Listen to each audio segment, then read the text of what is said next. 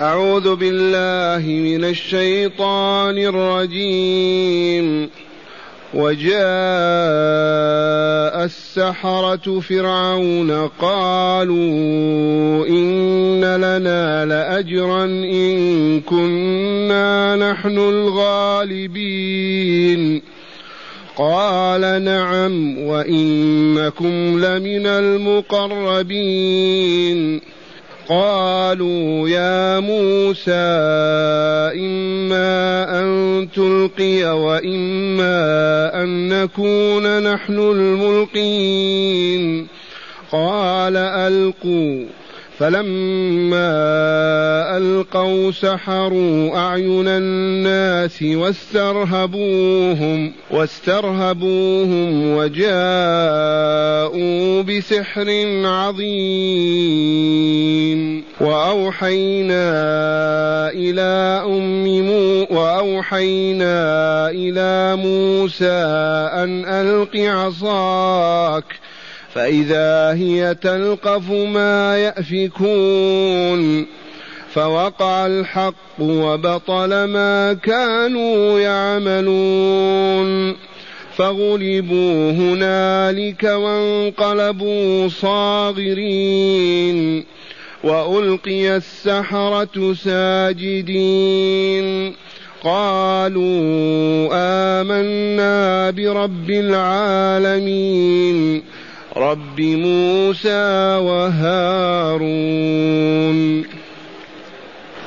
معاشر المستمعين والمستمعات من المؤمنين والمؤمنات قول ربنا جل ذكره وجاء السحرة فرعون.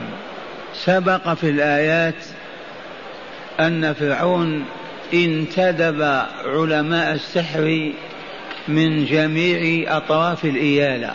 أي المملكة. وقيل إنهم سبعة آلاف ساحر وليكونوا سبعين ساحرا.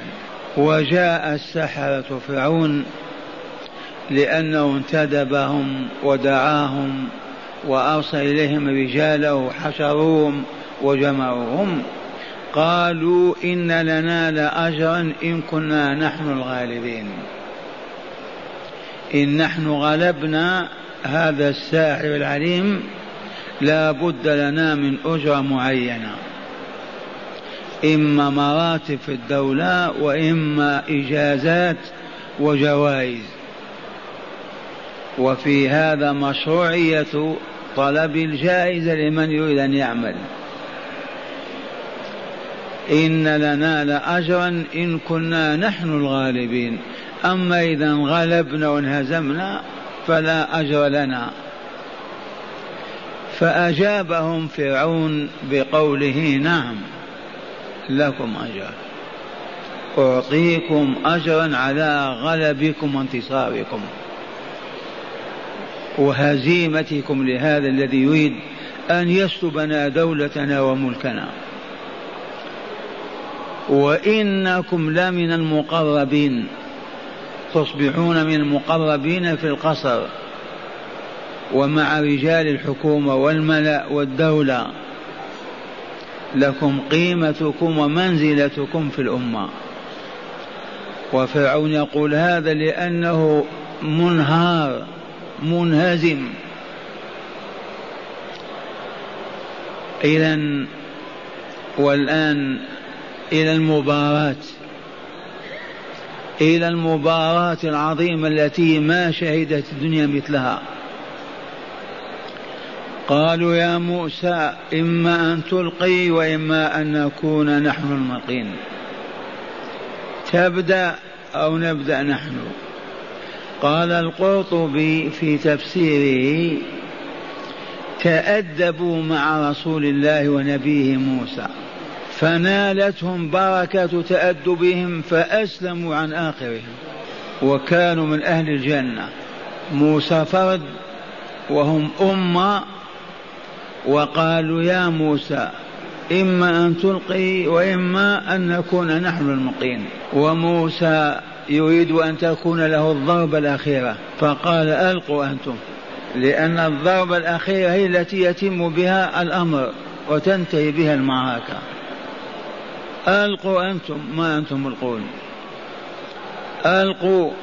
قال فلما ألقوا ألقوا ماذا؟ عصيهم وحبالهم التي تحولت في الظاهر في النظر إلى ثعابين أو حيات تملأ الساحة كاملة. وهذا هو سحر العيون. أما الواقع والله ما هي إلا حبال وعصي. إما فيها نوع من العقاقير جعلتها تهتز أو هو سحر حقيقي لأعين الناس. فالذين ينظرون يظنون أنها حيات وثعابين تهتز في الوادي. حتى إن موسى خاف. لما شاهد تلك المناظر والمظاهر العجيبة خاف. ولكن الله عز وجل نهاه عن الخوف. جاء هذا في سورة طه. فأوجس في نفسه خيفة موسى. قلنا لا تخف إنك أنت الأعلى. إذا فلما ألقوا سحروا أعين الناس. سحروا ماذا؟ الأعين فقط. حيث أصبح كل من ينظر إلى تلك الحبال في ذلك الوادي أو تلك الساحة تهتز وتتحرك كأنها حيات وثعابين أعين الناس حتى موسى عليه السلام. وهذا السحر كما علمتم حق موجود ويؤثر في النفس ويؤثر في العين وفي الجسم. قال واسترهبوهم وجاءوا بسحر عظيم. استرهبوا من؟ استرهبوا المشاهدين النظار المتفرجين. وجاءوا بسحر عظيم. والله وصفه بهذا. هنا قال تعالى وأوحينا إلى موسى الضربه الأخيرة. الآن الوادي امتلأ بالحيات والثعابين وأخذت الناس الرهبه والفزع والخوف مما شاهدوا. إذا وأوحينا نحن رب العزة والجلال والكمال. وأوحينا إلى موسى أي أعلمناه بطريق خفي. إذ الإعلام هو الإخبار السر الخفي العاجل. بما يلقي في روحه أو ملك يقول له. ماذا أوحى الله تعالى إلى موسى أوحى إليه أن ألق عصاك؟ تلك العصا التي رعى بها الغنم عشر سنوات في بلاد مدين. تلك العصا. من منحه إياها ووهبه شعيب عليه السلام. وقد سمع سمعتم أنهم من في من يقول إنها كانت عند آدم وتوارثها الأنبياء والرسل إلى موسى عليه السلام. ولا حرج نزل بها آدم من عالم السماء من الجنة. إذا ألق عصاك فألقاها فإذا هي تلقف ما يأفكون. تلقف تتلقف وقل تلقم وإن كان قراءة ضعيفة. تلقف تزدهد وتبتلع فتحت فاها دخل فيها كل تلك الحبال وتلك الأباطيل. هذه العصا ألقاها بسم الله ألق عصاك. فألقاها طاعة لأمر الله. فإذا هي تحولت إلى أعظم حياة تلقف بفيها وتبتلع كلما ملأ الوادي أو الساحة التي فيها السحرة قولوا آمنا بالله. قال تعالى إذا فوقع الحق وبطل ما كانوا يعملون. وقع الحق ثبت وبطل الباطل الذي كانوا يعملونه. إذ أعمال السحرة كلها باطل. وقد علمتم زادكم الله علما أن السحر لا يتعاطاه مؤمن. ولا يحل بقاء ساحر في ديار المسلمين. والساحر في القضاء الشرعي يقتل حيث بان سحره ولا يطلب منه التوبة. من ارتد يطلب منه ثلاثة أيام أن يعود إلى الإسلام فإن لم يعد يقتل. أما الساحر لا تطلب منه توبة لأنه دائما يدعي أنه غير ساحر.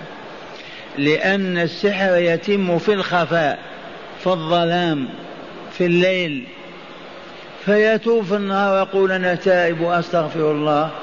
ثم إذا جاء الليل جاءه مطلبه وطلبوه وفعل فلهذا يقتل الساحر حيث بان سحره. أما إذا اتهم فقط فلا لا لا بد وأن يثبت أنه ساحر. قال فوقع الحق وبطل ما كانوا يعملون إذا فغلبوا هنالك وانقلبوا صاغرين. من الذين غلبوا؟ السحرة. سبعون ألف وسبعمائة وسبعون رجلا. كونوا جمعهم من المملكة كلها آلاف. فغلبوا هنالك. أي في تلك الساحة. ساحة المباراة العظيمة. وانقلبوا صاغرين. أذلا مهانين على رأسهم فرعون وملأه ورجاله وكل من معه عادوا من الملعب أو من ذلك المعرض منهزمين أذلا لا تسع عن خوارهم وضعفهم. عصا موسى عصا تتحول إلى جان إلى ثعبان وتبتلع الساحة كلها. كيف يبقى لهم عقل ويبقى لهم بدن أو ذات؟ يتحطمون. وبهذا أخبر الله عز وجل فغلبوا هنالك وانقلبوا راجعين صاغرين أذلا إلى بيوتهم. وما حال السحرة؟ قال وألقي السحرة ساجدين. من ألقاهم هم ألقوا أنفسهم. ما إن شاهدوا تلك المشاهد ورأوا ذلك الحق وأنوار تلوح حتى خروا على الأرض ساجدين قائلين آمنا برب العالمين رب موسى وهارون. آمنا برب العالمين رب موسى وهارون وهم ساجدون. ما إن شاهدوا. العصا تتحول إلى ثعبان إلى حي كجان وتبتلع كل ما في الساحة. ما كان منه إلا أن خروا على الأرض ساجدين يقولون آمنا بالله رب العالمين آمنا بالله رب العالمين رب موسى وهارون. حتى لا يتهموا أو يفهم الناس أنهم يعبدون فرعون. آمنا برب العالمين رب موسى وهارون. وهنا نطق فرعون ماذا يقول؟ وقد تحطم. قال فرعون آمنتم به قبل أن آذن لكم. قطعا هذا بعدما استدعاهم وانتهت المعركة. واستدعاهم إلى القصر ليستنطقهم ليستجيبهم ما شأنكم أنتم؟ آمنتم به قبل أن آذن لكم أخرق أحمق. وتأذن لنا في أن نؤمن أو لا نؤمن. الإيمان ما هو عمل أو أخذ جائزة أو صفا أو إقامة حتى نستأذن. هذا الإيمان دخل القلب وامتلأ به القلب وأنار الجوارح. آمنا بالله. لكن العنترية والكبرياء والفرعونية قال لهم مستفهما منكرا عليهم آمنتم به قبل أن آذن لكم؟ أي بالإيمان. إن هذا لمكر مكرتموه في المدينة. هذا هو الوجه السياسي الذي علمه السياسيون. قالوا فرعون قالوا لفرعون موسى يريد أن يخرجكم من بلادكم ويملك هذه البلاد. لا هم له إلا هذا. لا إيمان ولا توحيد ولا بني إسرائيل يخرجون.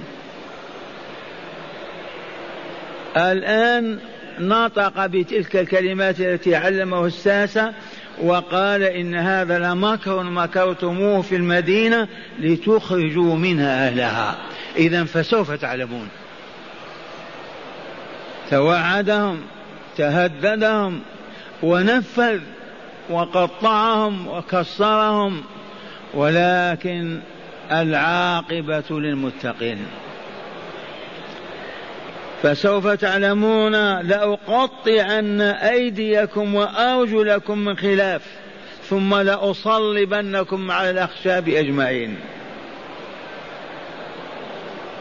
هذا قول فرعون لا غرابة فيه. ذاك الذي كان يقول أنا رب العالمين لا إله إلا أنا. قالوا إنا إلى ربنا منقلبون. إن لم نمت اليوم على يدك تقتلنا نموت غدا. إننا منقلبون إلى ربنا. ثم هذا يفرحنا ويثلج صدورنا أن نتعجل لقاء ربنا. نحن الآن بعيدون عن الله عز وجل لكن من مات وقف بين يدي الله فالموت هو الحاجز هو الذي حجزنا إذا لا تخوفنا بالموت أبدا بل نحن نريد ذلك. وقد قلت نحن الآن محجوبون عن الله بهذه الحياة. يوم ما تنتهي نلقى الله عز وجل. وهذا رسول الله صلى الله عليه وسلم يقول من قرأ سورة من قرأ آية الكرسي دبر كل صلاة وحافظ عليها ما يصلي فريضة إلا يقرأ آية الكرسي لم يمنعه من الجنة إلا الموت. الذي يحافظ على تلاوة قراءة آية الكرسي. الله لا إله إلا هو الحي القيوم. إلى قوله هو العلي العظيم. دبر كل صلاة لم يمنعه من دخول الجنة إلى الموت. ما إن يموت حتى يدخل الجنة. وقد علمنا أن أحدنا إذا قبضت روحه وهي طاهرة نقية يعرج بها الملائكة إلى السماء فيستأذنون لها فيؤذن لهم بها سماء بعد سماء إلى أن ينتهوا إلى السماء السابعة إلى الجنة دار السلام. وتخر ساجدة بين يدي الله. ويأمر الله تبارك وتعالى بكتابة اسمها في عليين. في ديوان يسمى عليون. ثم بعد ذلك تبقى سارحة في الجنة روحا. إلى أن تنتهي هذه الدورة ويخلق الله الأجساد من جديد وتدخل كل روح في جسدها. إذا ما خاف السحرة بعد أن آمنوا برب العالمين رب موسى وهارون. بعد أن خروا سجدا لله قالوا ماذا؟ إنا إلى ربنا منقلبون. وهذا يسعدنا أو يحزننا؟ يشقينا. إذا انقلبنا إلى ربنا. خير وإلى بقاؤنا في دنيانا الوسخة خير. ماذا تقولون؟ والله لا انقلابنا إلى ربنا خير مليون مرة من هذه الحياة. وقد قال الحبيب صلى الله عليه وسلم واحفظوا الدنيا جنة الكافر وسجن المؤمن. الدنيا الحياة الدنيا سجن المؤمن. والله لمسجون. كأنه في زنزنة.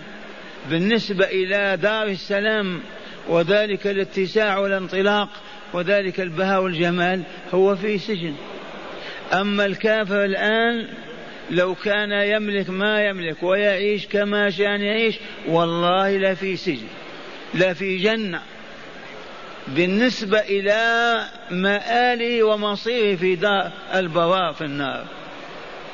الدنيا سجن المؤمن وجنة الكافر.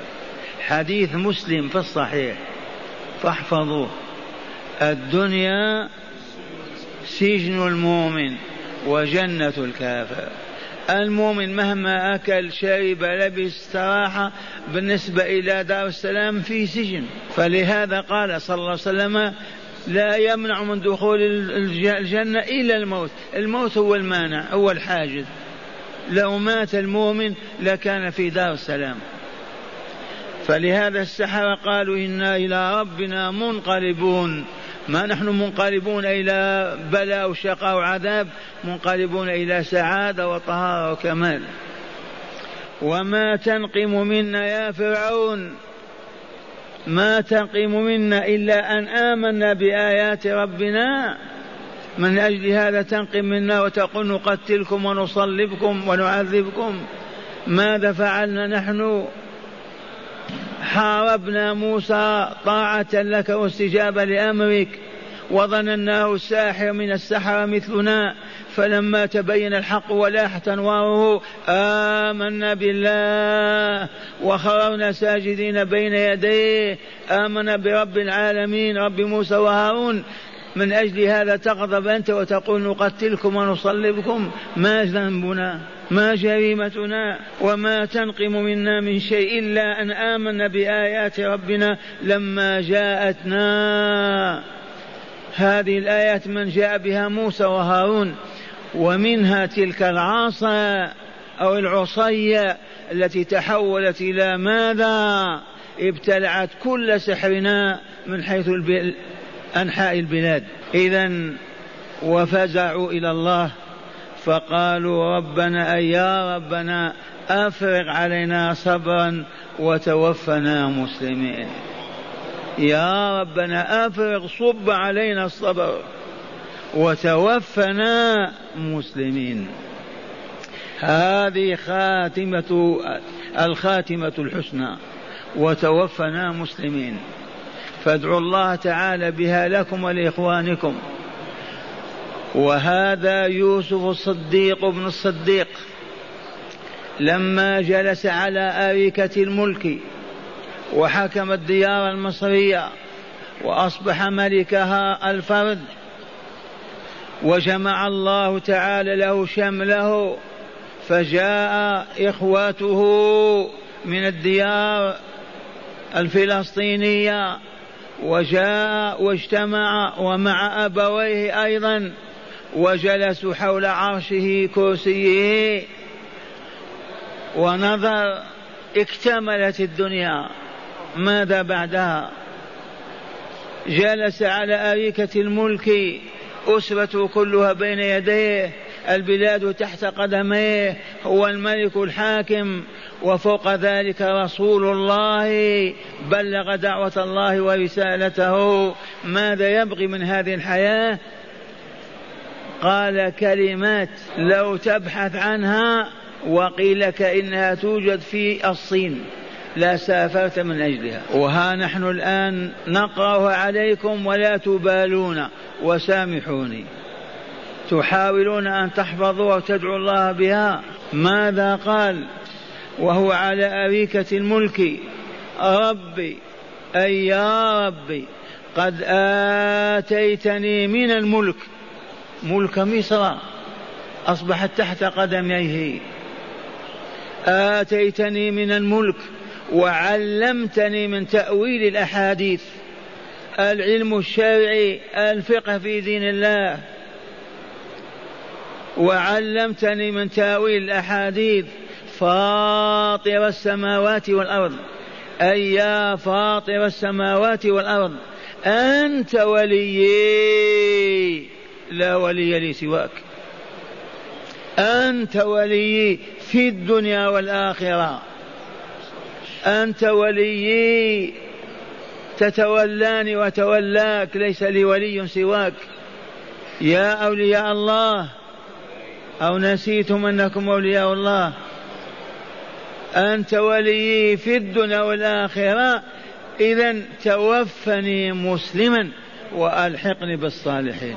أما أهل الغفلة أهل الجهل والعماء إذا سادوا إذا ملكوا إذا حكموا يتكبرون ويتجبرون ويقتلون وينتقمون ويشفون صدورهم من أعدائهم. عرفتم ولا لا؟ وأولياء الله إذا حكموا لانوا تطامنوا خشعوا ذلوا كرهوا أوساخ الدنيا. ولو كانت سيادة وملكا ومالا وجاه وسلطانا رغبوا عنها وتاقت نفوسهم إلى الملكوت الأعلى. أعيد هذه الكلمات اليوسفية. من أنزلها على رسولنا ربنا تعالى أين توجد؟ توجد في القرآن الكريم في آخر سورة يوسف. عليه السلام. رب قد آتيتني من الملك وعلمتني من تأويل الأحاديث. فاطر السماوات والأرض أنت وليي في الدنيا والآخرة. توفني مسلما وألحقني بالصالحين. قال تعالى لرسوله ذلك من أنباء الغيب. نوحيه إليك وما كنت لديهم إذ أجمعوا أمرهم وهم يمكرون. لا إله إلا الله. ذلك الذي قص الله عليه قصة يوسف. أحداث أربعين سنة من أنباء الغيب. نعم. من أين لمحمد أن يعرفها؟ أو قريش أو العرب بأجمعهم. نقص عليك من أنباء الغيب وما كنت لديهم إذ أجمعوا أمرهم وهم يمكرون. هل كنت مع إخوة يوسف؟ في ذلك الظلام وهم يتآمرون. كيف يقتلون يوسف أو كيف يسجنونه أو كيف أو كيف؟ كنت معهم. من علمك هذا؟ إذا قولوا محمد رسول الله. لا إله إلا الله محمد رسول الله صلى الله عليه وسلم. اللهم ارزقنا حبه واتباعه يا رب العالمين. مع هداية الآيات نستفيد علوم ومعارف اولا قال مشروعية طلب الأجرة على العمل الذي يقوم به الإنسان خارج عن نطاق العبادة. من أين استفدنا هذا؟ قالوا إن لنا لأجرا وفي قراءة إن لنا لأجرا. علمنا نعمل أو ما نعمل. استفيد من هذه الكلمة الربانية أنه يجوز للعبد أن يطلب الأجر على عمله الذي يقوم به. على شرط ألا يكون من أعمال العبادة. تقول غدا أصوم تعطينا عشرين ريال. ما يجوز. أصلي بكم تجمعون لنا ألف ريال في الشهر. ما يجوز. أو يجوز؟ ما يجوز. أعلمكم الفاتحة لكن ادفعوا ريال ريال. ما يجوز. أبدا. لا يجوز أخذ الأجرة إلا في العمل الدنيوي. أما عبادة تأخذ عليها أجرا ما يصح هذا أبدا. مشروعية طلب الأجرة على العمل الذي يقوم به الإنسان خارجا عن نطاق العبادة. قد يتألم بعض الإخوان من الأئمة يأخذون أجرة من الأوقاف هذا ما هو ما أخذوه من الناس. هذا كأجرة تجعلها الحكومة كالعمال ولا حرج في هذا. وكذلك المؤذن. ولهذا المؤذن يوم القيامة أطولنا أعناقا المؤذنون لو كانوا جالسين معنا ونحن في يوم القيامة هم أطول فوق رؤوسهم. المؤذنون أطول الناس أعناقا يوم القيامة. حتى قال عمر لولا الخلافة ومهامها وقد تحملت ولا كنت مؤذنا. فلهذا من استطاع أن يكون مؤذنا فليفعل. وإن قالوا أعطينا أجر تعطيهم أجر أذن وأعطيهم لا تعطي لا يعطونك. ثانيا مشروعة الترقيات الحكومية لذي الخدمة الجلة للمدنية للدولة. اسمع استنبطنا أخذنا هداية من الآية وهو مشروعية الترقيات الحكومية. لدى الخدمة الجلة للدولة. من أخذنا هذا؟ قال نعم وإنكم إذا لمن المقربين. رقاهم وإلا لا؟ يجوز أو لا يجوز؟ يجوز. قالوا نقوم بعمل على شرط أنك ترقينا وإلا لا؟ تعلي تكثر رواتبنا. قال نعم. ثالثا تأثير السحر على أعين الناس حقيقة. بحيث يرون الشيء على خلاف ما هو عليه. إذ العصا والحبال استحالت في أعين الناس إلى حيات وثعابين لا تشك في هذا. الساحر يسحر العيون. فقط يرمي أمامك حجر تظهر وكأنها قبة بين يديك. أو يلوح لك بعصا تراها أنها ثعبان من أين أخذنا هذا؟ سحروا أعين الناس واسترهبوهم وجاءوا بسحر عظيم. كذلك بيان سنة الله تعالى في أن الحق والباطل إذا التقيا في أي ميدان فالغلبة للحق دائما وأبدا. سنة الله الماضية الماشية طول الحياة أن الحق إذا التقى مع الباطل في مباراة في مواجهة ينهزم الباطل وينتصر الحق. أبدا. سمعتم هذه؟ قال بيان سنة الله تعالى في أن الحق والباطل إذا التقيا في ميدان في أي ميدان؟ فالغلبة لمن؟ للحق دائما. ثانيا بطلان السحر وعدم فلاح أهله. السحر باطل وأهله والله لا يفلحون لا في الدنيا ولا في الآخرة. السحر باطل وأهله لا يفلحون حتى الذين يذهبون للسحرة يستعينون بهم والله ما أفلحوا. ومع هذا أكرر القول إياكم أن تسمعوا بساحر في بلد أو قرية وتسكتون. لا بد وأن تبلغوا المسؤولين عنه لأنه يفسد عقول أبنائكم ونسائكم وقلوبهم. لا يحل بقاؤه. إذا قال بطلان السحر وعدم فلاح أهله ولقوله تعالى من سورة طه ولا يفلح الساحر حيث أتى ولا يفلح الساحر حيث جاء من الشرق من الغرب من النساء من الرجال من أي باب لا يفلح الساحر. ولا يفلح الساحر حيث أتى. ثالثا فضل العلم وأنه سبب الهداية. فضل العلم وأنه سبب الهداية والله هذا لا نجادل فيه. سبب هداية الإنسان العلم وإلا لا. إذا علم أنه لا إله إلا الله وعبده وعلم كيف يعبده إذا فاز بسبب العلم. قال فضل العلم وأنه سبب الهداية فإيمان السحرة كان ثمرة العلم إذ عرفوا أن ما جاء به موسى ليس سحرا وإنما هو آية له من الله فآمنوا. غير السحرة ما فهموا. كذا ولا لا؟